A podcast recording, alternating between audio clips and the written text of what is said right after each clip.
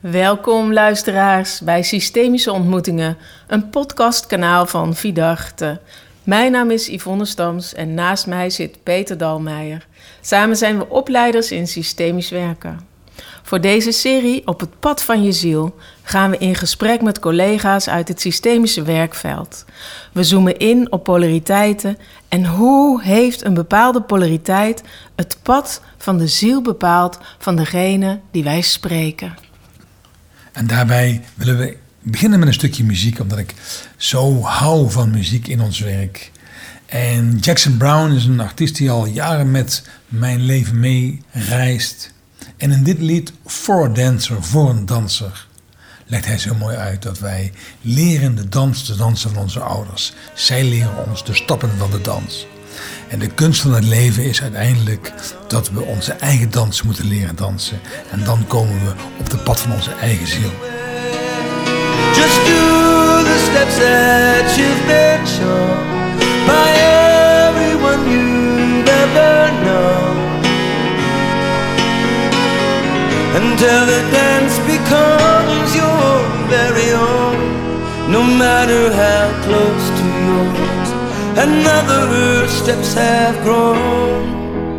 In the end, there is one dance you'll do alone.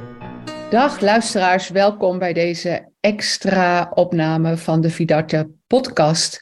En eh, jullie horen een stem die voor jullie nog niet meteen vertrouwd is. Dat is de stem van mij, Margriet Wentink. En ik heb de eer om uh, Yvonne en Peter te kunnen interviewen voor hun eigen podcast. Maar we zijn in gezelschap ook van Nathalie Toisuto. En Suta, Toisuta. En um, Nathalie, Yvonne en Peter. Um, ik ga met jullie in gesprek over de hele bijzondere avond die jullie hebben gehad op 4 mei in IJsselstein op de begraafplaats. Um, en waar jullie ja, eigenlijk heel bijzondere ervaringen hebben opgedaan. En om te beginnen zou ik eigenlijk graag jou, Nathalie, willen vragen om eerst even de setting te schetsen van waar spreken we over, zodat de luisteraars ook een klein beetje beeld krijgen bij um, ja, de indrukwekkende ervaringen die jullie straks ook met ons gaan delen. Uh, het was als eerste was het geen avond, maar vond het overdag plaats. Ja. En um, het ontstond eigenlijk uit een opdracht die ik kreeg vanuit uh, Safati Media Producties, die een documentaire hadden gemaakt die heette Wie Goed. En die is door de EO uitgezonden, waarin een uh, Duitse en een Nederlandse journalist in de grensstreek uh, mensen gingen interviewen, Nederlanders en Duitsers, of het al wieder goed was. En uh, zij hadden samen met andere partners het verlangen om dat ook voor jongeren in te zetten. En vroegen mij of ik daar iets in kon betekenen. En toen moest ik denken aan, hey, zouden wij dit niet op IJsselstein kunnen doen? En IJsselstein is de Duitse oorlogsgraven, uh, is de Duitse oorlogsbegraafplaats, waar 32.000 Duitse soldaten liggen, waaronder 2 tot 3000 SS'ers en oorlogsmisdadigers en 500 collaborateurs van Nederland. Dus het is tegelijkertijd een hele beladen plek. En uh, in tegenstelling tot de, documentaire Wie de Goed, is er, was er geen goed land. In de zin van, daar werkten ze op Nederland en op Duits gebied. En nu werkten we alleen maar op de begraafplaats IJsselstein. En ik heb daar eerder gewerkt met een Duitse school. Voortkomend uit een herdenking die ik eerder heb mogen bedenken, Ereveld vol leven. Uh, waarbij ik uh, toen al kennis maakte met de begraafplaats IJsselstein. Omdat het tevens een plek is die zo, ik zou bijna zeggen, zo verlaten en zo eenzaam is. Ah ja, ja en als je dat zo schetst, hè, dan zie ik dat zo voor me. Zo'n zo'n begraafplaats met 32.000, dat is een enorm aantal. Als ik dat beeld probeer op te roepen, dan is alleen dat beeld al overweldigend eigenlijk. Hè? Zoveel gesneuvelde mensen of anderszins gestorven mensen. Ja. Um, jullie zijn daarheen gegaan. Jij hebt op een gegeven moment Yvonne en um, uh, Peter betrokken bij dit project. Ja. Kun je iets daarover vertellen hoe dat in zijn werk is gegaan? Ja, want uh, wij gingen daar, of wij zijn er naartoe gegaan met Nederlandse uh, jongeren en Duitse jongeren. En uh, de kracht van Ereveld voor Leven, waaruit deze herdenking voort is gekomen, is dat je achter de graven min of meer opstellingen doet. En naar de kinderen of naar de jongeren noem ik het als een levend schilderij neerzet. Dus je zet de context neer. En daar hebben we uh, ervaren representanten voor nodig, want dat kunnen we nog niet aan de jongeren vragen. Want die hebben geen enkele ervaring daarin. En er is geen contract met hen dat ze dat zouden kunnen doen. Zij krijgen alleen een rondleiding op uh, de begraafplaats en krijgen de verhalen verteld. En die verhalen worden neergezet als een levend schilderij. En Peter en Yvonne van Vidarte hebben al vaker meegewerkt aan Ereveld voor Leven. En kennen het concept en zijn daarnaast hele goede professionals. Dus ik heb aan hun gevraagd: zouden jullie met uh, mij mee kunnen kijken welke representanten dit zouden kunnen doen? Omdat je op een overweldigend veld staat. Waar, uh, ja, daar moet je ergens wel weten wat je aan het doen bent. En je daar ook gewaar van zijn. En het mooie was dat uh, zowel Peter als Yvonne beide zeiden van nou we gaan ook zorgen voor een soort um, holding space. En dat klinkt dan, uh, als mijn uh, jongens zouden, zou, dat zouden horen, zouden zeggen wat is dat nou voor iets geks. Maar omdat er zoveel, daar is zoveel, dat je ergens inderdaad zorg moet hebben voor dat je het en beperkt, niet te ingewikkeld maakt.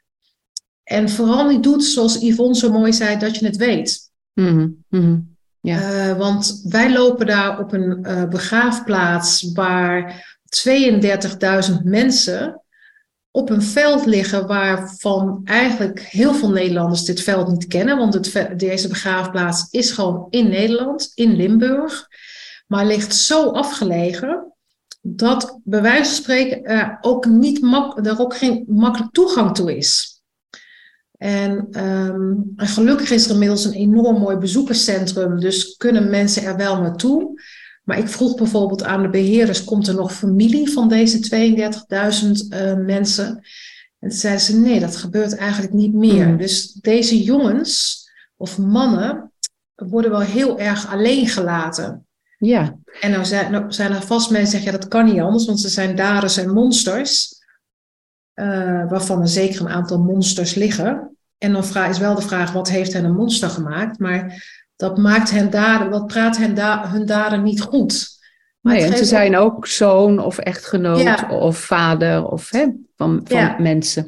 En um, Nathalie, wat ik even eigenlijk uh, wil vragen aan, aan Peter en aan um, Yvonne, dan word je daarvoor uitgenodigd. Um, wat is eigenlijk de beweging van jullie geweest om te zeggen, ja, daar willen we aan meedoen? Want het zal een professionele beweging zijn, maar dat is natuurlijk ook een menselijke beweging. Ja, mijn, mijn eerste be beweging is dan. Uh, ik, ik ben iemand die de. Uh, het is voor mij makkelijker om mee te gaan naar, naar de. Uh, ja, klinkt misschien gek, naar de begrafenis dan naar het feestje. Dus ik kan je makkelijker steunen als je mij vraagt voor iets met diepgang en, en moeite en uh, emotie. Dan uh, we gaan uh, lollig doen, zal ik maar zeggen. En dit is ook een van die dingen, die doe je misschien maar één keer. Dus, en als er dan steun nodig is, hè, wisten voor Nathalie is dit ook een, hoe noem je dat? Een spannend project. En we kennen elkaar ook privé als, als vrienden. En uh, nou, dan ben ik er voor je, weet je. Dus dan ga ik meedoen, zeg ik eerst ja. En dan voel ik in mezelf, oeh, dat vind ik spannend en dat doet me veel. En dan uh, uh, ga ik op zoek naar uh, mijn ja's er ook. En, en hoe kan ik uh, met die spanning omgaan? Nou, daar heeft het podcastgesprek met jou, Margriet, ehm, voor mij voor heel veel ruimte gezorgd. Door de uh, de, de polariteit, de ene kant, de andere kant. En daartussenin is een groter veld. Ja. En waar vind je je dan als, als iets deel uitmaakt, als een polariteit hè, dader en de polariteit slachtoffer de een is? Wat is dan de grotere, uh, uh, het grotere onderdeel waar, waar je dan deel van uitmaakt? En dat heeft me heel erg geholpen om daar in mijn eigen lege midden te kunnen zijn. Dus ja, dat moment herinner ik me ook nog goed dat we het daarover hadden in de podcast. Hè? Dat, dat eigenlijk je in jezelf de holding space daarvoor vond. Hè? Zo, zo Oh, ergens gebeurde dat in het gesprek. Ja, ja over mooi. te hebben. Dus door, Ja. door het toe te staan, het gevoel is er. En de wens is er ook. Dus een deel in mij eh, wil ook het, het nieuwe eh, meemaken. Hè, dat is er ook. ja. Wil steunen. En eh, het is ook interessant en het is systemisch werken. En wat gebeurt er dan? En heb En je ook speciaal iets, een affiniteit met specifiek dit thema? En mogelijk ook specifiek met dat het een Duitse begraafplaats is? Of Ja, speelde dat geen dat rol? De dynamiek dader-slachtoffer speelt wel in het, in het systeem aan de kant van mijn vader. Ehm, dus mijn nichtje was er ook bij met haar zoon eh, bijvoorbeeld. Dus dat maakt het ook wel extra eh, waardevol. Misschien ook omdat hij van, hetzelfde, eh, van dezelfde kant van de familie afstamt. Ehm, dus dat, ik denk daar. En de naam Stams, dat is een, vernoemd naar een dorpje in, in Duitsland. Volgens mij was het Duitsland. Jazeker. Ergens zal, ik, zal het er wel iets mee te maken hebben. Mm. Als kind kwam ik wel in, in Duitsland op vakantie en in Oostenrijk op vakantie eh, eh, heel veel. Maar ik kan niet zeggen van, goh, hè, net zoals heel veel van de deelnemers, eh representanten deelnemers, je had bijvoorbeeld een opa die bij de SS heeft gezeten, een aantal van die representanten. En iemand met een Duitse vader en iemand met een Duitse partner. Ja. dat erbij. Dus, Ja. Maar dat heb ik niet zo. Dus dat, Nee. Dat En. Peter, hoe is dat bij jou? En wat was jouw betrokkenheid om in te stappen op de uitnodiging ehm, van Nathalie? Nou, allereerst zeg ik al, altijd ja tegen haar. Omdat al die mooie ideeën mij ook in mijn hart raken. Ik heb ooit een keer ehm, op de eerste rij gezeten bij een, een opstelling die zij deed. En waar, waar ik ging om, om, om ja, eh, tot steun te zijn van een van de, de daders van de, de schoolbezetting slash ehm, Gijzeling. treinkaping. Ja. Een Mm. man van, ook net zoals Nathalie, afkomstig uit eh Ambon, denk ik. En, en ja, dat heeft mij enorm geraakt. En a- als ik naar mijzelf, naar mijn, mijn verleden ga. Mijn vader was officier in het leger. Mijn Mm. vader had vrienden in Duitsland. We zijn heel veel geweest in Duitsland. Ik ben opge- opgegroeid bij de Duitse grens, dus mijn, mijn Duits is ook redelijk goed. Ik heb eh, NLP-opleidingen gegeven in, in, in München jaren. Ik heb ehm, eh, eh, een vriendschap overgehouden in Duitsland. En een ander thema is, in onze familie was altijd een zwart schaap. En op een of andere manier had ik altijd een e- enorm zwak voor dat zwarte schaap. Dus een oom van mij was vijf keer getrouwd geweest en had evenveel vrouwen waarmee die niet- getrouwd was. En mijn ouders vonden dat vreselijk en, en ik vond die man fascinerend. Een neef van mij aan de andere kant was junk en ik ging hem opzoeken omdat ik ook, ook, ook wel zag dat hij een heel eh, enorm gevoelsmens was. En mijn ouders vonden dat graag. Dus op een of andere manier heb ik het altijd na- naar, mezelf a- eh, eh, aange- aangetrokken dat ik juist die, die andere kant wilde insluiten. En dat zit, zit enorm in mij. Dat, dat, dat ik, ja, als, ik, als ik daar loop, Margriet, over dat veld, moet je moet je dus voorstellen, 32.000. Ja. In de Ahoy-hal, alleen in de ringen, dus niet op de vloer, zijn 16.000 zitplaatsen. Dus het is twee keer de Ahoy. Zo, zoveel graven. Dat, dat, dat, is, dat is echt, in het Engels gezegd, amazing hoeveel dat is. Ja. Waanzinnig. Zoveel mensen liggen daar. En, en ja, dat, dat, dat is een energieveld. Is een, een krachtveld wat mij echt meteen grijpt. En Mm. maar dat zijn dus ook, ook zoveel opa's en oma's, vaders en moeders, en die allemaal op een of andere manier ja, in die oorlog mee hebben gedaan. En, en, en ja, met, met of, of volledig in overtuigd, of omdat ze geen keuze hadden. Maar dat heeft mij dus heel, heel, heel diep geraakt. Dat, dat, Ja. Ja, ik, Ja. Hoor het, ik hoor het in je stem ook, hè, Peter. En Ja. het doet mij denken aan. ehm, ik heb natuurlijk heel veel van mijn eh, ehm, opleidingswerk in Duitsland ook gedaan. Hè, van eh, traumawerk, waar ik eh, door, door Frans Roepert in opgeleid ben.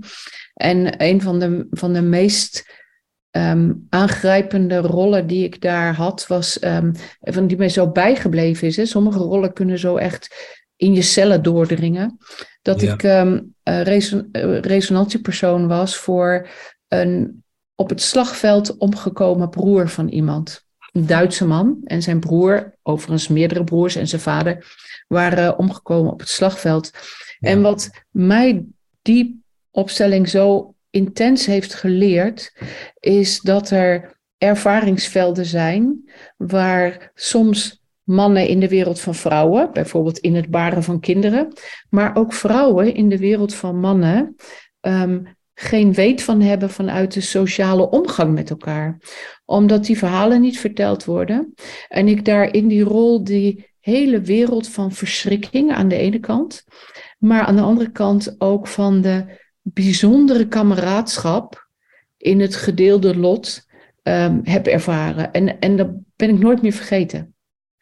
En dat, dat is heel leerzaam, vind ik, om dat soort rollen ook te mogen ehm, Ja, ja, belichamen voor een kort moment. ja, En, ja, en Nathalie, ja. als ik naar jou terug ga, want je zegt ook, ehm, ik, heb, ik heb met die jonge mensen daar gewerkt. Hoe hebben jullie die uitgenodigd? Hoe zijn die daar terechtgekomen? Wil je iets vertellen over hoe dat in zijn werk is gegaan?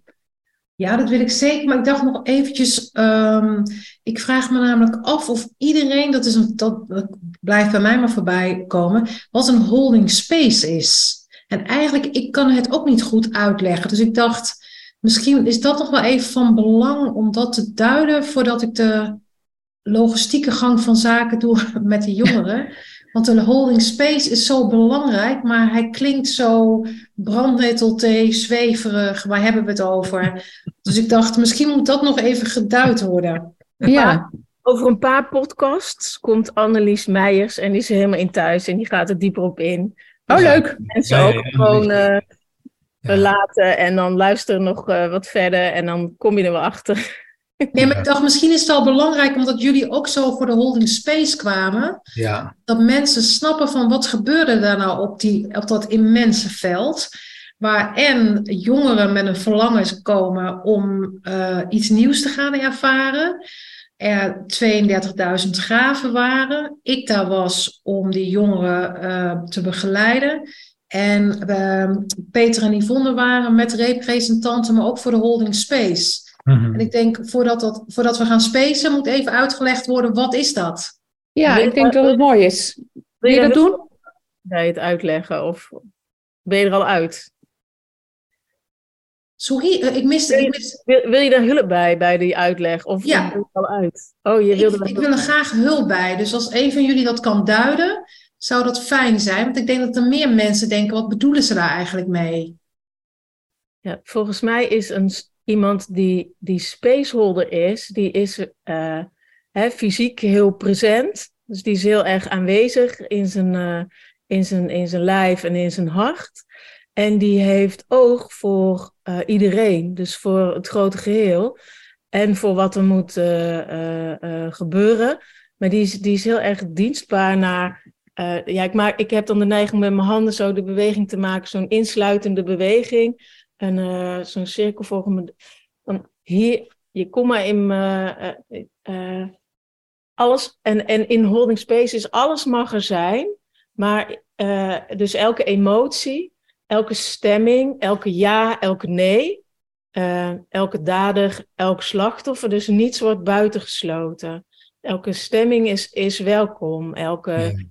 Elke mens mag in die ruimte aanwezig zijn, precies zoals die is. En tegelijkertijd vind ik het ook een taak van degene die uh, spaceholder is in zo'n situatie zoals bij het ritueel wat wij deden.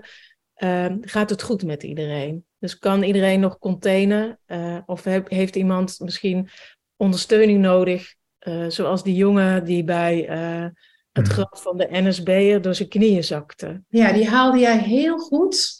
Dan gaan we eigenlijk gelijk inzoomen op het verhaal. Maar dat is wel over holding space en over iedereen in de gaten houden. jij had heel goed, was je ervan bewust dat het met die jongen niet goed ging. Ja, dus ik had hem één keer gezien van oké, hij, hij zoekt steun, oh, hij herstelt zich.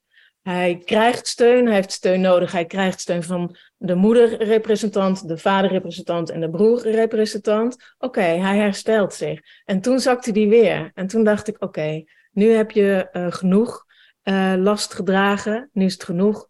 Uh, nu, je hebt genoeg laten zien ook. Het is ook een helder plaatje voor iedereen die hier deelnemer is. Kom er maar uit. Ja, dus eigenlijk zeg jij met die holding space maak je een, een, een veld van draagkracht en betrokkenheid die, die totaal inclusief is. Ja. Ja. ja. ja. ja. Met een speciaal oog, hè, in deze met een speciaal oog vanwege de taak, gaat het, uh, kan, kan iedereen dit bevatten, kan iedereen dit aan of heeft iemand individueel. Uh, ja. ja.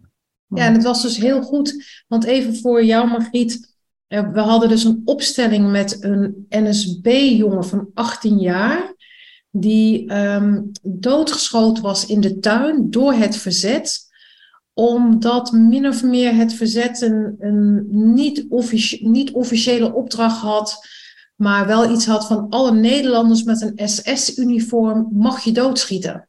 Mm, mm. Dat uh, over daderschap ook gesproken. En deze jongen droeg een SS-uniform, was net 18 en liep in de tuin en werd doodgeschoten.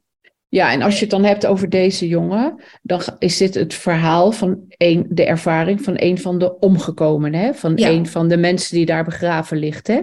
Ja, ja, want wat wij deden was. Kijk, die jongeren hebben wij via een Duitse school gekregen. En daarnaast heb ik in mijn eigen netwerk veel jongeren gevraagd. Omdat ik jongeren wilde met ook een, eh, niet allemaal met een, eh, een Nederlandse achtergrond, maar ook met een niet-westerse achtergrond. Dus waardoor je ook de diversiteit van de samenleving eh, ontmoet. Omdat ik de herdenkingen vaak ook nog heel erg wit vind, wilde ik graag dat deze herdenking veel meer kleur in zich droeg. Dus daarom ben ik in Amsterdam gaan werven. En, ehm, en ik zocht juist de verhalen, natuurlijk een overleg met de beheerders van eh, de begraafplaats, van mensen van hun leeftijd Ja. zodat zij zich er veel meer toe kunnen verhouden. Waarbij ik wel heel duidelijk heb aangegeven dat wij deze mensen niet hebben gekozen om het te vergoeilijken, wat de mensen die daar begraven liggen. Maar dat dit de mensen zijn die hun leeftijd hebben. Waardoor het invoelbaar wordt voor Ja. ze. Ja, Ja, want op, een, op het, het allereerste verhaal ging over een Duitse soldaat die op zijn zeventiende eh, eh, om is gekomen bij het gevecht. Want ehm, belangrijk is om te vertellen dat bij die 32.000 mensen die daar begraven liggen, zijn er 1100 onder de 18 jaar. En dus er liggen gewoon 1100 kinderen. ja, Dat zijn gewoon kindsoldaten geweest. Ja. En eh, die geen keuze hadden, de, de, het merendeel, omdat... Ongetraind, ongeoefend, Ja, werden zij, onervaren. ja, werden zij het leger ingestuurd.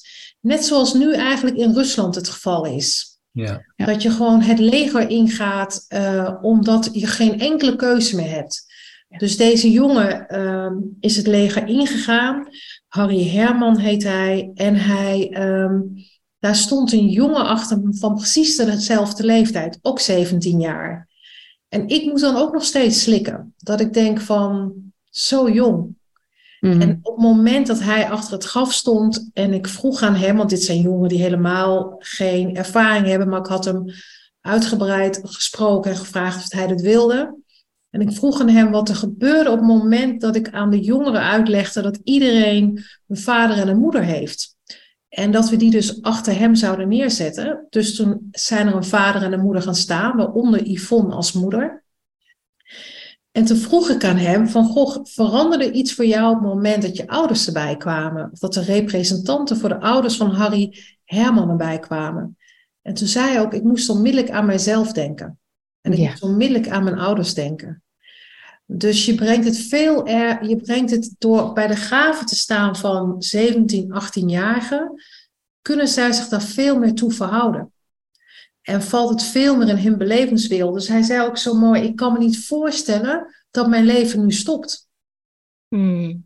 En, Indrukwekkend. ja, en dat zijn ouders, hij zegt, En het verdriet wat mijn ouders zouden hebben als ik om zou komen, dan, ik moest daar heel erg aan denken. Hmm. En dat is dus eigenlijk wat ik wel hoop dat deze herdenkingsvorm, ehm, dat we ons veel meer gaan verhouden tot de menselijke maat. Ja. En dat we veel meer gaan beseffen van, natuurlijk is deze Harry Herman, want dat heb ik wel aan iedereen gevraagd, wie vindt dat Harry Herman schuldig is? Niemand stak zijn hand op, want deze jongen had geen keus. Ehm, en wie vindt dat hij onschuldig is? Natuurlijk gingen alle handen omhoog. En dat telt voor Harry Herman, maar dat telt misschien nog wel voor veel meer mensen. En dan nogmaals, het is niet om het te vergoeilijken, want er liggen ook echt oorlogsmisdadigers. Ja. Ehm, maar ergens moeten we, denk ik, van ja, en deze mensen die geen oorlogsmisdadigers zijn, en misschien zelfs ook de mensen die oorlogsmisdadigers zijn, een deel van hen is ook vader of zoon of broer. En wat heeft ervoor gezorgd dat ze zo, dat ze in deze, dat ze in de wereld van een oorlogsmisdadiger terecht zijn gekomen? Welke bedding is daaraan vooraf gegaan? Hoeveel generaties terug heeft dit veroorzaakt? En ja, dat, hè, dat is de ene kant. En um, wat, wat ik heel mooi vind in, in hoe je erover praat, wat je vertelt, is dat je, dat je zo de snaar van de medemenselijkheid hebt weten te raken en in trilling hebt weten te brengen. Hè, door, door nou ja, wat je vertelt, hoe jullie het gedaan hebben met elkaar. Hmm. En eh, dat is ook een beetje in de podcast over daden-slachtofferpolariteiten. Ergens is in ons allemaal voorbij die polariteiten ook een ander veld. En, en misschien is dat wel die trilling van medemenselijkheid, van dat we ons kunnen verplaatsen in wat een ander mens heeft meegemaakt. Ja, en jij zegt het kan van generaties zijn, maar in de, in de podcast die, die Yvonne en Peter met mij hebben opgenomen, heb ik ook verteld dat ik uh, in München ben geweest in de Dritte Reich Tour. Dat was een rondleiding door de stad. En daar werd voor mij die jaren, die dertige jaren ook zo tastbaar hoe je als werkloze vader van vijf of zes kinderen ook gevoelig wordt voor de verhalen van in dit geval een Hitler bijvoorbeeld, die iets beters belooft. En ja, ik vind het echt heel, heel aangrijpend eigenlijk wat je vertelt, hoe die jonge, jonge jongeren zich daarin konden verplaatsen. Dat is echt wel bijzonder, denk ik, om mee te maken, ook voor jullie. Nou ja, ja wat ik daar nog wel eh, bijzonder aan vond, was dat ze hebben geen enkele ervaring met opstellingen, helemaal niets. Maar ik heb een vragenlijst aan ze gestuurd om te kijken van hoe hebben ze dit nou aangenomen? Wat hebben ze het kunnen aannemen? Wat hebben ze niet kunnen aannemen? Wat hebben ze gemist? Want wij weten het antwoord ook niet. Dat zij heeft Yvonne zo mooi benadrukt. Laten we vooral niet aanmatigend zijn en daar zijn met van wij weten hoe het moet. En um, wat die jongeren uh, ook zo mooi zeiden was dat ik stelde bijvoorbeeld ook 1933 op, het jaar waarin Hitler aan de macht kwam. Of ik stelde de oorlog op om heel duidelijk te maken, en dat was op aanwijzing van Jan-Jacob Stam, van zorg ervoor dat je ook de grote opdrachtgever in de opstelling brengt. Want anders worden die jongens wel heel erg verantwoordelijk voor wat ze gedaan hebben. Zij zijn hiertoe aangezet omdat ze in dienst zijn genomen van een grotere ideologie. Dus je kan ze niet alles verwijten als die ideologie geen plek krijgt. Dus hoe zeg je dat? Ik zeg het verkeerd, maar dus ik, op het moment dat ik bijvoorbeeld in de opstelling bij uh, de Harry Herman de eerste zei van nou, ik vind het belangrijk om ook de oorlog een plek te geven. Dus iemand te vragen om voor de oorlog te gaan staan. Dan wordt het voor die jongen wel, dan ligt niet alle schuld dan bij hem. Want de opdrachtgever staat ook in het veld. En dat was voor mij zo'n belangrijke inzicht wat ik toen kreeg, dat ik dacht, ja, tuurlijk moet hij in het veld. Dus bij de tweede opstelling bracht ik 1933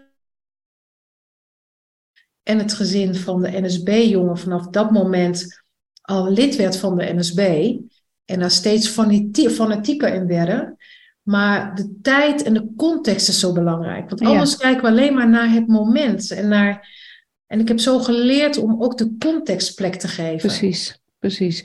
En, en ehm, Peter, ik zie dat jij al. Je wil graag iets aanvullen, hè? Oh, dat weet ik niet.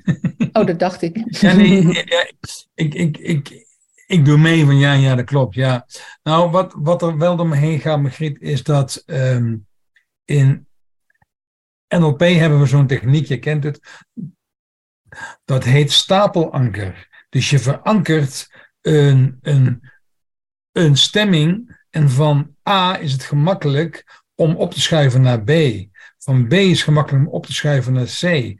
Ik denk dat weinig mensen van liefde en vrede in één keer extreem overgaan naar haat en geweld. Mm. En de meeste mensen, dus ehm, eh, ik denk dat heel veel jonge mensen in een systeem zijn ingezogen, zonder dat ze doorhadden waar ze uiteindelijk ingezogen eh, zijn geweest, waarin.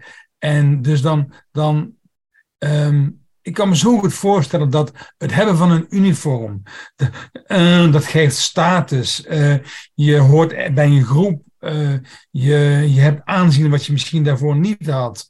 En niet eens doorhebbend dat er zoveel jaar later door ons op deze manier over wordt gesproken. Niet eens doorhebbend dat vijf of tien jaar later 32.000 kruisen staan in IJsselstein. Dus... ehm, ja, dat is natuurlijk een interessante vraag die jij natuurlijk nog veel beter kunt beantwoorden dan ik. Wanneer zijn we dader? Mhm. Wat, wat ik heel mooi vind aan het werk wat, eh, wat Nathalie eh, eh, doet, dus wat je hebt gedaan, hè, Nathalie, in, bij Ereveld Loenen, was het verhaal in beeld brengen. Dus het verhaal ook van de Nederlandse knillers bijvoorbeeld. Het was tot dan toe voor mij een onbekende oorlog, die veel complexer bleek dan ik dacht. En wat je uh, hè, dat deed je ook ogen achter de graven door dezelfde leeftijd en dezelfde seksen achter de grafsteen uh, te zetten met representanten. En nu, uh, en daar werden ook soms verhalen in beeld gebracht door representanten of door te vertellen. En hier was het ook zo. En wat jij heel goed kan, vind ik, is daar waar je je door onze Nederlandse geschiedenis en door onze Nederlandse cultuur en door onze manier van herdenken, zitten we ook op een gegeven moment in een bepaald kader. Zo van, zo is het, weet je wel. Zo is het gelopen. Uh, dit is de oorlog. Dit, dit is, zo is het gegaan. En dan krijg je daar overtuigingen en ideeën over waar je niet zo gemakkelijk uh, vanzelfsprekend anders over gaat denken. Want dit is, hè, dit is de dans die we hebben leren te dansen rondom de oorlog. En wat jij heel goed kan, Nathalie, is dan ook zo uh, tussendoor bijvoorbeeld zeggen... weet je, Anne Frank, hè, die hebben we allemaal in ons hart gesloten, was een Duits-Joodse vluchteling. Hè, en wij maken daar onze Nederlandse Anne Frank van, omdat zij uiteindelijk in Amsterdam is. Dus ken de feiten, hè, ken het hele verhaal. En door dat soort dingen uh, te duiden aan mensen, uh, zoals dat niet weten, krijgt iets van waar, waar je denkt het te weten, krijgt ruimte door, door, dan stap je dus vanzelf door de feiten uit de ene kant van de polariteit. Dus het, Hmm. de, dat wat je dacht van dit is het, blijkt dan niet zo te zijn. En daardoor komt er ruimte. En ik vind dat jij dat voortdurend uh, ja, in, in, in, in, in woord en in, in beeld brengt. En dat vond ik ook ja. mooi hier. En wat ik zelf indrukwekkend vond aan, omdat ik natuurlijk uh, Ereveld Loenen heb meegemaakt en daar ook jongeren werden uitgenodigd om eens te kijken in de ogen van een uh, jonge verzetsheld of een jonge soldaat die gestorven is voor onze vrede. En daar gebeurde dan iets van, wow, weet je wel, dat had ik kunnen zijn, of mijn broer, of mijn zusje, of mijn ouders blijven alleen. Precies wat jij vertelt ook over die jongen die achter het graf stond van die Duitse soldaat die overleden is. Dus wat ik uh, speciaal vind, of wat ik opvallend, wat me opvalt, is het maakt dus voor uh, je idee over de oorlog en hoe verknipt oorlog is of zoiets, uh, niet zoveel uit. Kijk ik nu naar de vijand, waarin ik me kan inleven, of kijk ik nu naar mijn held, mijn, mijn, mijn, het slachtoffer van, van de oorlog. Dus het, de, het verhouden tot de ander. Um, ontstaat door er ogen aan te geven. Dat is, ja... Dat ja, door de ogen aan te geven. En ik hoor je ook zeggen, door, door um, informatie te winnen. Dus ook nieuwsgierig te zijn en open vragen te stellen. Van, maar hoe, hoe ging dat dan? En hoe is het dan gekomen? Enzovoort. Ik zie jou uh, heel nadenkend knikken, Nathalie, als, uh, als uh, Yvonne dit zegt. Wil je, wil je er iets over zeggen? Ja, nou, ik ben wel geraakt door wat zij zegt, omdat zij woorden geeft aan iets wat in mij ehm, er is, maar mij is gegeven dat ik zelf uit twee culturen kom. Dus er was voor mij niet maar één iets. Er was voor mij ook altijd iets anders. Dus ik kom uit een witte moeder en een zwarte vader. En we hadden uh, en nasi en we hadden boerenkool. en uh, dus op het moment dat mensen alleen boerenkool eten, dan zeg ik altijd, maar waar is de nasi? En als mensen, snap je, dus voor mij is het zo vanzelfsprekend dat het andere meedoet en dat je naar het andere vraagt.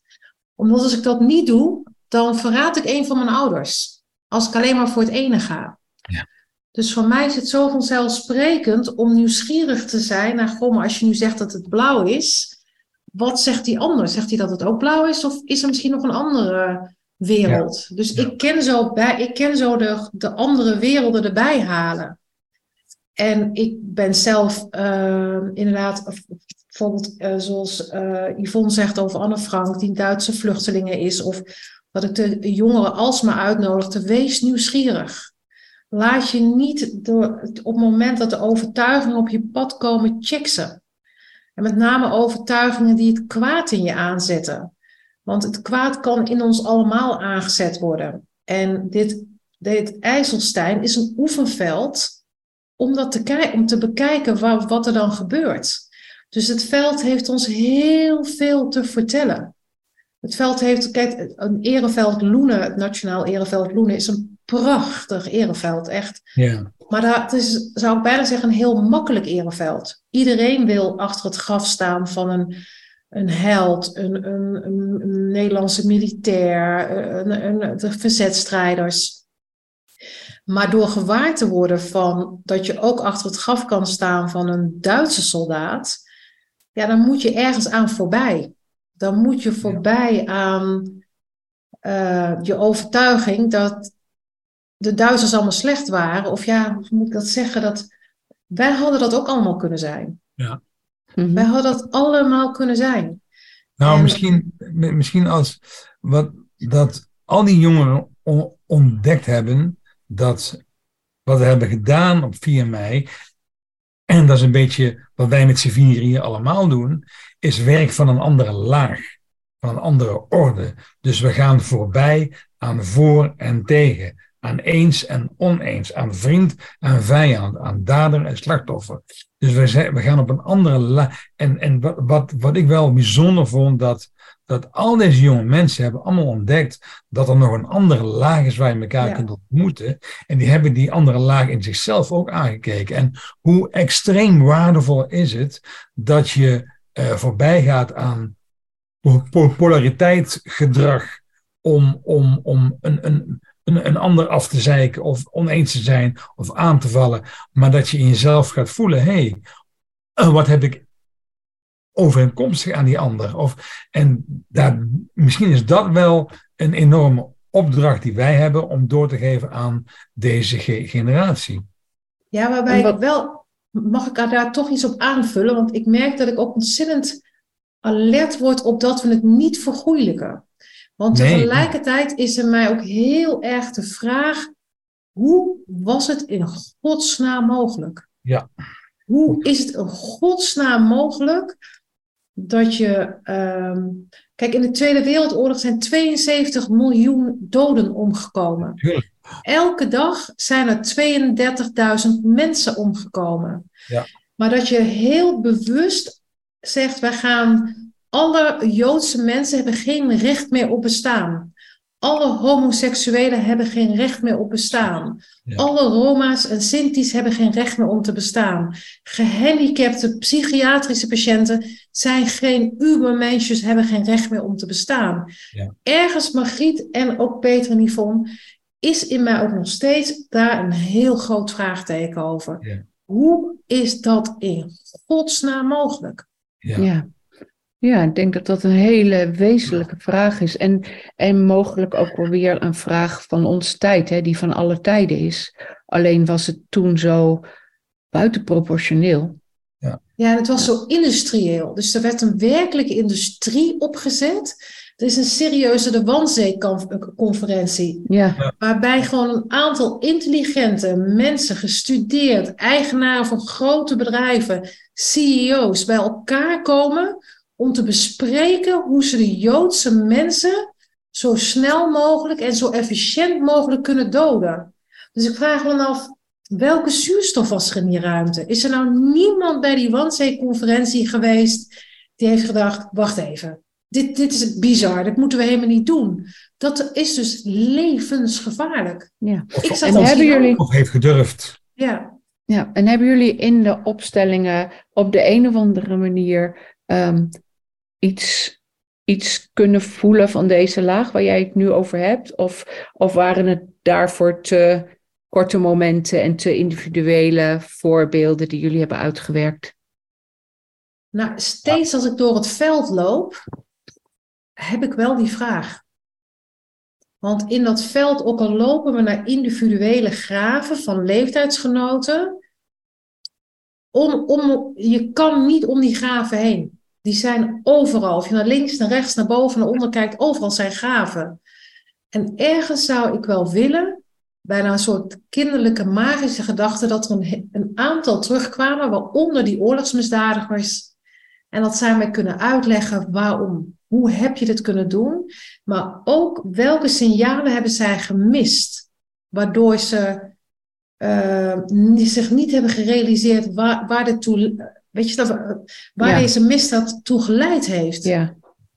Of anders gezegd, wat heeft hen kunnen vervoeren? Want ze zijn Ja. ook in een soort vervoering geraakt op de een of andere manier mogelijk, hè? Ja, Ja. ze hebben natuurlijk dingen gedaan die, ja, ik, ik kan daar gewoon, ik, ik snap het niet, maar dat is hetzelfde. Het is een mysterie nog, hè? Gedeeltelijk Ja, ik denk ons. dat het, dat is volgens mij ook de grote fascinatie.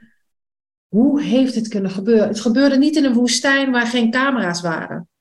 Het gebeurde in een ongelooflijk ontwikkelde, culturele, rijke wereld.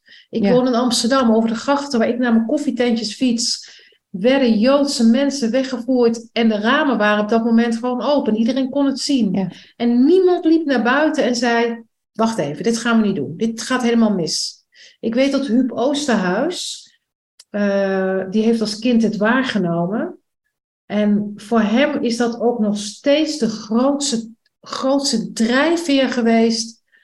Dat ergens volwassenen daarin dus onbetrouwbaar zijn. Snap je? Ze roepen je wel Ja. naar binnen als je naar binnen moet, om te- dat het Ja. laat genoeg is om te spelen. Maar op het moment dat buren worden weggehaald, op het moment dat de hele straten worden weggehaald, maar ook gewoon de internationale gemeenschap die al wist dat de, dat er concentratiekampen bestonden. Ja. Dus voor mij is er ook een soort, waarom ik al deze projecten doe, is ook dat ik ergens wil begrijpen, maar ook bang ben van als het erop aankomt, zelfs als de internationale gemeenschap het weet, wordt het gewoon gedaan. Ja. Ja, en ik hoor ook ergens de verbijstering in je stem, hè? Als je Ja. dat zegt. Ben ik echt over verbijsterd. Ja. Ja. En, en ik zou eigenlijk nog terug willen, als je het goed vindt, want dit is een hele grote vraag, hè? Daar, daar kunnen we langer bij stilstaan, maar misschien in een ander verband. en, en ik zou eigenlijk nog terug willen naar dat jij zei een tijdje terug, Nathalie, zei je van, dat veld vertelt ons een verhaal. En ik ben eigenlijk benieuwd, welk verhaal hebben naar jullie idee de jongeren opgepikt van dit veld? Hebben ze daar iets over gedeeld met jullie, over uitgewisseld? Kan een van jullie daar iets over zeggen? Peter, Yvonne, Nathalie? Ik kan er iets over zeggen, maar volgens mij, ik ben al veel aan het woord, maar ik denk dat Peter of Yvonne kan daar ook wel het een en ander over duiden. Toch? Nou ja, als we het dan heel even hè, ook terugpakken van, eh goh, ik wil het niet vergoeilijken. Zo heb ik mijzelf ook niet ervaren daar. Van, ik vergoeilijk iets, maar het is anders om er te staan vanuit de polariteit. Ik kijk nu naar een veld vol daders. Eh, terwijl er mis- misschien eh, gewoon al die misdaden zijn allemaal nog steeds dan wel gegaan. Of naar, eh, ik, ik, ik, hier liggen dode mensen. Hè? Dus... eh, Ik denk dat dat ook een boodschap is die de jongeren hebben gekregen. En wat ik, dus misschien moet ik even zo teruggaan naar het alle begin van de dag.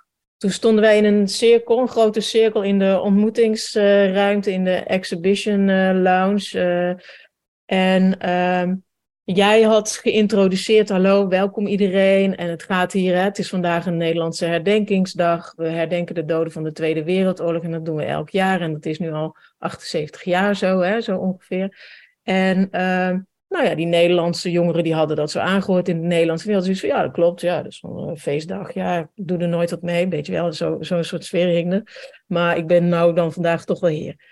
En toen ging Jan Hemels, die betrokken is bij het veld. Eh, is hij directeur van dit uh, IJsselstein-veld? Zeg, uh, zeg hij, is een, hij is een projectleider bij IJsselstein. Ja. Projectleider bij IJsselstein. Hij is zelf 28, dus erg jong. En spreekt vloeiend Duits, omdat hij Duits gestudeerd heeft. Dus hij ging in zijn keurige vloeiende Duits hè, datzelfde vertellen als wat die Nathalie zojuist al verteld had in het Nederlands.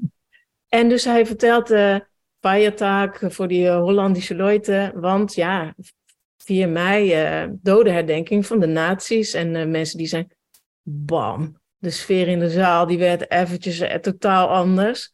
En er kwam een soort boink bij die jongeren in de zaal. En ik zeg zo tegen Liesbeth, die naast mij staat, van, goh, voel je dat? Ja, zegt ze. En daaronder zit een levensgroot verdriet. Dus die wij waren allebei ook in contact met, als je dat dus even aanraakt, dan komen die jongeren onbewust in dat veld terecht. Dus zij weten dat niet. Ik geloof ook niet dat iedereen dat gevoeld heeft. Niemand ging ook huilen of zo.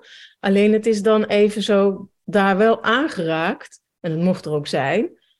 En dus dat, is, dat, dat grotere verhaal wat dit veld dan vertelt, gaat volgens mij ook over dat collectieve verdriet van de generatie zoveel jaar later, na de oorlog. En ehm, ik denk dat wij hun helpen, omdat zij zijn niet schuldig aan die oorlog. Dus wij helpen hun um, door vanuit ons Nederlands te zijn, de andere kant van de oorlog, uh, niet de daderkant, maar de slachtofferkant, door hun uit te nodigen van kom eens hier meedoen. En wij gaan openstaan voor jullie emoties, uh, uh, de ontmoeting. En ja, ik vind dat heel mooi wat je vertelt. Ja. Uh, want, want eigenlijk zeg je van door deze ervaring um, helpen wij hen ook zich wat van de on, onvertelde verhalen te herinneren. En ik weet nog dat ik dat ook zo'n indrukwekkend stukje vond in de, in de podcast met jou, Nathalie. Um, um, dat je vertelt over Van Tijn de burgemeester, ex-burgemeester van Tijn, die dan op een dodenherdenking iets vertelt waarvan zijn kinderen zeggen van krijgen we nou, staat hij hier te vertellen, het heeft hij ons nog nooit verteld. En ik denk, ik heb zelf veel werk gedaan ook in Duitsland, ehm, ik denk dat daar ook nog zoveel onvertelde verhalen zijn, waar de derde, vierde generatie wel het verdriet, de schuld, ehm, de schaamte, de spijt van voelt. Ja. En daar refereer je eigenlijk aan, hè? Ja, en dat raakt me ook, Yvonne, als jij dat vertelt. Ja. Want ik voelde het ook. En dat is zo'n groot verdriet. Zo groot. Dus ja. Je kunt dan, hè, als wij in systemisch werken altijd zeggen, het is te groot voor één persoon, dus het moet wel uh, een overgenomen emotie zijn. Dat was dat, want de hele zaal was ineens gevuld met dat verdriet, weet je wel. En ja, veel groter dan die, dan, nou ja, je snapt wat ik bedoel. Maar wat ik dus mooi vond, is dat die Duitse leraar die erbij was, Sebastian, die had ik een paar keer gedurende de dag even, hoe is het? Hè? Hoe gaat het? Hoe gaat het met jou? Hoe gaat het met jouw leerlingen? Ja, ja. Het ging steeds goed. En op het laatst vroeg ik, hoe voel jij je? En toen zei hij, uh, volgens mij is het Duitse woord erleichtert, dus verlicht. Hij voelde zich opgelucht, verlicht. Ja. Dat raakte mij in mijn hart. Ik denk, ja, als je dan zo'n dag organiseert, dan is dit volgens mij het gevoel wat je hoopt dat, dat je dan mag brengen, toch? Door gewoon eerlijk te zijn over wat er is. Via die jongeren waarbij we, eh, hè, die jonge soldaten die dan, of die jonge NSB'er, omdat we ons daar wel toe kunnen verhouden en we kunnen ons moeilijk verhouden tot een oorlogsmisdadiger. Maar toch brengt het dan verlichting. En dat mag toch nu, want hij Ja. was ook niet bij de oorlog, toch? Ja. Hij heeft daar Ja. ook niks misdaan, maar hij loopt er kennelijk ook ergens mee rond. Dus nou ja, door zo in ontmoeting te gaan, zonder antwoorden, maar wel met vragen en met een open hart en een learning mind, kun je kennelijk iets eh, bewerkstelligen. Nou, en dat Ja, en in, heel erg mee uit die dag naar alle andere momenten voor de rest van zijn leven.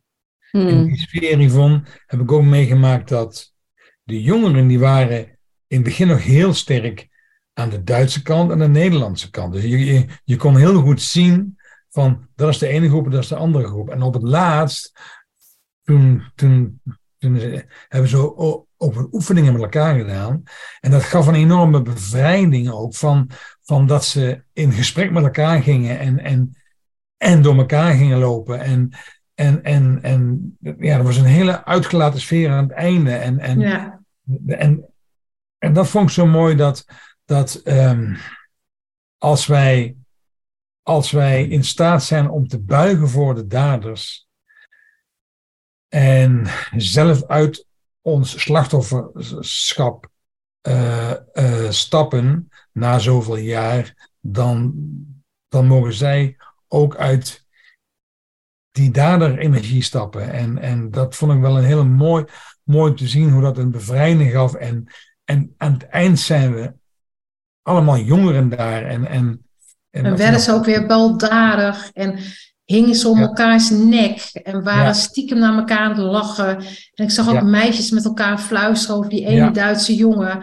Ja, dacht ik, ja, ja, nu zijn het allemaal dezelfde jongeren. Hmm. ja, dat, is, Mm. dat klopt. Ja, Ja. ik zag het helemaal. Want ik moest ook een paar keer roepen, jongens, focus, blijf erbij.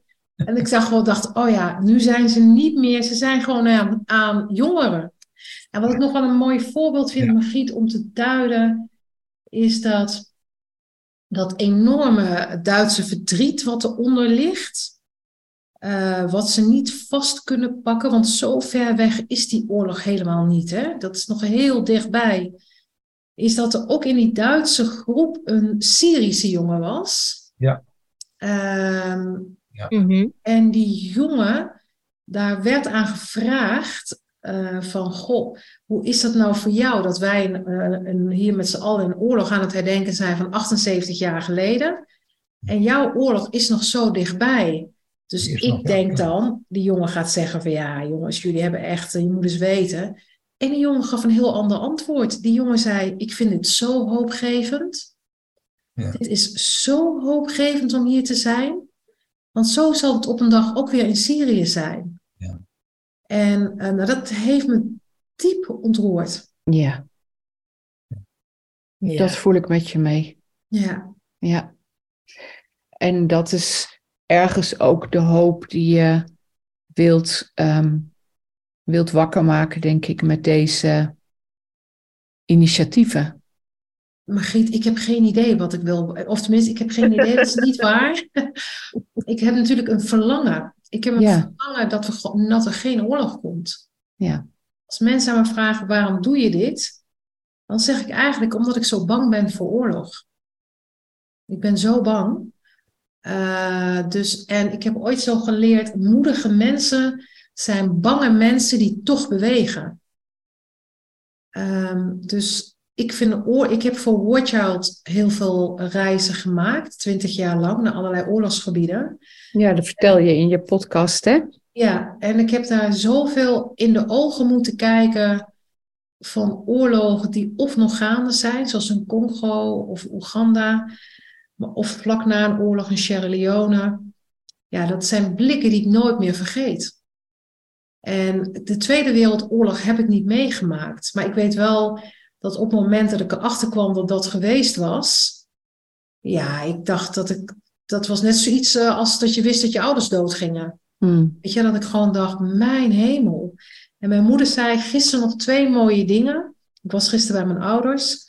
En toen zei ze van, goh, als eerste, dat is wel heel bijzonder, zegt ze, had je een bloemetje bij je voor de twee gaven waar je gewerkt hebt?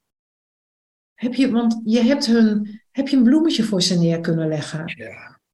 En dus ik heb vandaag eh, een mailtje gestuurd naar, eh, eh, naar de mensen met wie ik gewerkt heb eh, op IJsselstein. willen jullie daar alsjeblieft bloemen neerleggen voor ons? Zij, hebben, zij zijn ten dienste geweest Ja. van iets wat vandaag de dag van betekenis is. Dus het is zo typisch mijn moeder. Maar ja, maar dat had je toch bij je moeten hebben? en, en dat ze ook zei, weet je dat je als kind altijd zei, mam, als er oorlog komt, wil je mij dan onmiddellijk vergiftigen? Hmm. Uh, dus iets in mij is nog steeds dat meisje die zegt van als er oorlog komt, ik moet alles doen om dat te voorkomen. En dat is heel magisch, hè? want tegelijkertijd sta ik natuurlijk ook in mijn, in mijn volwassen stuk. En, um, maar Ja. er is ook nog iets, uh, ja, er is ook iets, nog iets anders wat meedoet. Dus als je zegt van, goh, dit, dit wil je allemaal, of hier heb je heel goed over nagedacht. Ja, ik heb er heel goed over nagedacht. Ik reik ook uit naar hulp. En iets in mij is ook totaal uh, op onderzoek. Ja. Wat een prachtige wijsheid van je moeder ook, die je, die je nog met ons deelt hier. Dat is zo ontroerend om te horen. Ja. Zo. Ja, Zwaar, hè? Dat mensen de, de, dat, dat er iets ontleend is aan deze mensen, Ja. aan de graven van deze mensen, wat weer dienstbaar is aan wie wij nu zijn, in het Ja. hier en nu. En Ja. dat zou echt toch, jongens, dat zou toch het geschenk voor hun heen gaan zijn. Ja. Dat zij ten dienste mogen zijn met hun verlies. Dat ze ons eigenlijk allemaal aankijken. Hè? Want ook dat veld is vol leven, is vol afgebroken leven. Dat ze ons aankijken en eigenlijk zeggen: wees alert, wees waakzaam, zorg voor de ander. Zorg dat haat het nooit overneemt. Want dit is het resultaat. Mhm. Dus ik heb ook echt iets van. Ik heb wel een droom die ik ook gedeeld heb met Jan Hemels. Bijzondere achternaam voor een jongen die projectleider is op een begraafplaats. Maar misschien heeft dat een reden. Mhm. Ehm, dat ik denk, goh, hoe zou het nou zijn als we één, als we daar op een dag 2500, want één vak is 2500 graven, als we dat mogen vullen. En aan de andere kant is het vak leeg. Dus daar zit ik ook wel echt dat beeld. Ik, ik ben regisseur, dus ik zie heel veel in mijn hoofd. En dan kan ik alleen maar heel veel verdriet voelen. En ook heel veel heling. Mhm. Dat ik denk, stel nou toch dat we dat, dat, dat zou kunnen. Dan, uh, maar tegelijkertijd weet ik ook, het is misschien is het veel te vroeg. Want er leven nog mensen die de Tweede Wereldoorlog hebben meegemaakt. Er leven nog kinderen van ouders die de, de concentratiekampen hebben overleefd. Dus Mhm. wie ben ik in 1968 geboren, niet het meegemaakt hebbend, dat ik zeg, nou het is nu al tijd dat we, die, Jood- dat we de Duitsers een plek geven. Ik weet het niet. Ja. Nee, en je deelt met ons je droom. En ik denk, dromen delen is ook zaadjes planten. En ehm, wat er uit het zaadje groeit, dat moeten we dan soms ook weer toevertrouwen aan de aarde Ja, en de elementen. En ehm dank je wel dat je dit droombeeld ook met ons deelt. En ehm, ja, ik zou er echt nog uren met jullie over door kunnen praten. Maar laten we het voor de podcastluisteraars ook behapbaar maken. mag ik toch En, nog wat... één- ja, ik, ik, Oh. ik, ik, ga, ik ga eruit met de vraag: willen jullie alle, alle drie nog met één opmerking afsluiten? En Nathalie, dan mag jij eerst. De vraag die Peter aan jou stelde. Wanneer is iemand een dader? Hmm. Hmm. Wil, je, wil je dat ik daar nu op inga? Ja, heel graag. Ja. Nou, ik, ik heb daar in mijn podcast ook iets over gezegd. Van het, het lastige met deze labels is dat er ehm, een verstarring in zit. Want iemand die daden doet die een ander schaadt, maakt zich op dat moment tot dader. Maar ieder van ons is veel meer dan dat. En die scheidslijn van wat is een dader en wat is een slachtoffer, die loopt naar mijn perceptie, voor zover ik dat kan waarnemen en zien, niet zozeer tussen mensen. Die loopt door ieder van ons. En op sommige momenten doe ik dingen waarmee ik een ander mens schaad. En als ik mezelf voor de rest van mijn leven identificeer met die daden die ik in een bepaalde dynamiek heb gedaan, dan versmal ik het begrip van mezelf en identificeer ik me maar met een facet. Tegelijkertijd, en daar wil ik eigenlijk heel erg aansluiten bij wat jij zelf ook, ook zo onderstreepte, Nathalie. Tegelijkertijd is het denk ik van ongelooflijk groot belang dat we de verantwoordelijkheid nemen voor de daden waarmee we andere mensen schaden. Dus te zeggen, ik ben veel meer dan alleen de mens die mij daar en daar toen en toen tot dader maakte. Dus het telt niet, is ook niet waar wat mij betreft. Soms zijn we slachtoffer, soms doen we vanuit onze niet verwerkte pijn hele pijnlijke dingen naar een ander toe. En dat is een soort cyclisch gebeuren tussen mensen en in mensen, waarvan ik met jou hoop dat we daar ook de enorme destructieve uitwerking van uh, in verantwoordelijkheid en in beheersing kunnen nemen.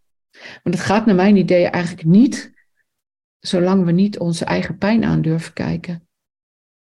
En nou, dat is al een job waar de meeste van ons onze handen aan vol hebben. Prachtig, prachtig antwoord. Ook pijnlijk antwoord, maar ook, ja, dankjewel. Dank je voor je vraag en ook, ook voor, voor alles wat je vertelt en deelt en de zaadjes die je plant, letterlijk en figuurlijk, ook in de harten van jonge mensen. Peter, is er nog iets waar jij ermee uit wil? Um, ja. Um, inclusiviteit, insluiten. Het is natuurlijk een modewoord, maar het is ook zo'n waar woord. Op het moment dat we de dader insluiten. Ik, ik stond in de tweede opstelling voor de vader van de Nederlandse jongen die is doodgeschoten. Ik was die NSB'er. En um, heel 5 mei heb ik me heb ik mij echt slecht gevoeld. Ik heb de hele dag daarover moeten doen om dat weer echt aan mijn lijf te krijgen.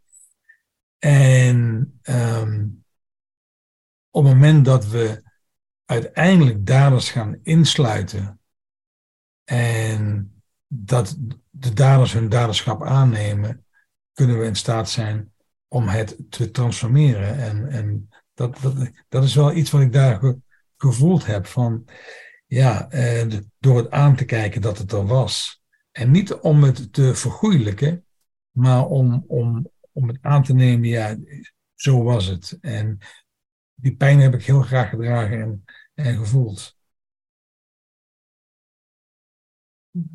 En we zijn van plan om, om, om na te denken over een soort uh, herdenkacademie, om een soort beweging op, op te stellen van hoe gaan we hier meer mee doen in, in andere velden, in andere contexten? Want er is nog zoveel ja, te helen. En uh, ja. Ja, ik zou graag de Herdenkend Vol Leven Academie willen starten. Mm. Only just mm. begun. Ja, de eerste stenen lijken gelegd. Ja. Ja. Yvonne, is er nog iets waar jij ermee uit wil? Um, ik, ik denk dat ik een, een klein oproepje zou willen doen aan de luisteraars. En, de, of, ja, de, en dat gaat dan over, als je nu zeg maar iets gehoord hebt in de podcast waarvan je denkt, nou, daar ben ik het echt vurig mee oneens. Uh, want dat zou natuurlijk kunnen. Uh, zoek eens op waar, waar zou je uh, ook in het midden kunnen blijven. Zo van, oké, dat is kennelijk de mening of het idee wat diegene op dat moment ergens over gezegd heeft. Want dat is waar ik uh, mezelf toe uitgedaagd voel. Ik ben best wel iemand met een sterke mening. En uh, zo van, oké, hoe kan ik ook gewoon een kant zien en een andere kant en een soort midden. En dat is kennelijk ook iets wat ik er zelf van vind. Nou, hoe kunnen we daar allemaal een soort breedzaam uh, mee samen zijn? Want ik denk dat dat het begin is van een vreedzame samenleving.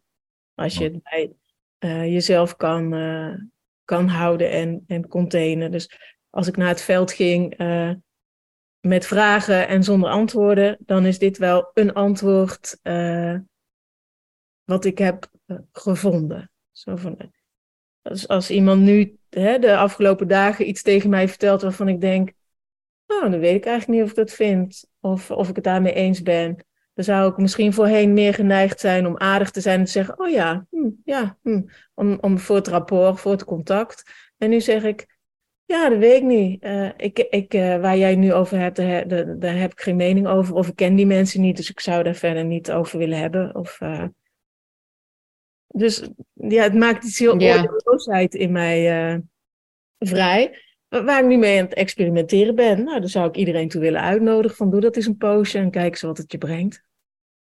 Ja, dat vind ik een hele mooie oefening om, om ons allemaal toe uit te nodigen. Ik voel me er in ieder geval toe uitgenodigd als je dit zo zegt. En um, ik hoop jullie luisteraars ook allemaal dat je um, dit voorstel, deze, deze uh, brainoefening van, uh, van Yvonne ook uh, misschien in je hart kan sluiten. Want uiteindelijk is dat denk ik wat ons ook verbindt hier aan deze tafel. Of eigenlijk aan vier tafels bij ons thuis. um, wat ons verbindt, hè? Zo die zoektocht naar hoe kan, hoe kan die kloof tussen daders en slachtoffers, hoe kan die overbrugd worden en hoe kunnen we ons ergens vinden in het midden, in verbondenheid, in medemenselijkheid. En ik dank jullie heel erg voor wat jullie um, op 4 mei hebben willen en ook durven doen, denk ik. En dat jullie daarvan delen met anderen, zoals vanavond met mij en, en de luisteraars die luisteren. En uh, ik hoop dat um, het steentje wat in de vijver is gegooid, hele wijde kringen gaat maken. Hmm. Dank jullie wel daarvoor. Dank je wel. Jij bedankt voor je uitnodiging tot dit gesprek, Margriet. Ja, van harte.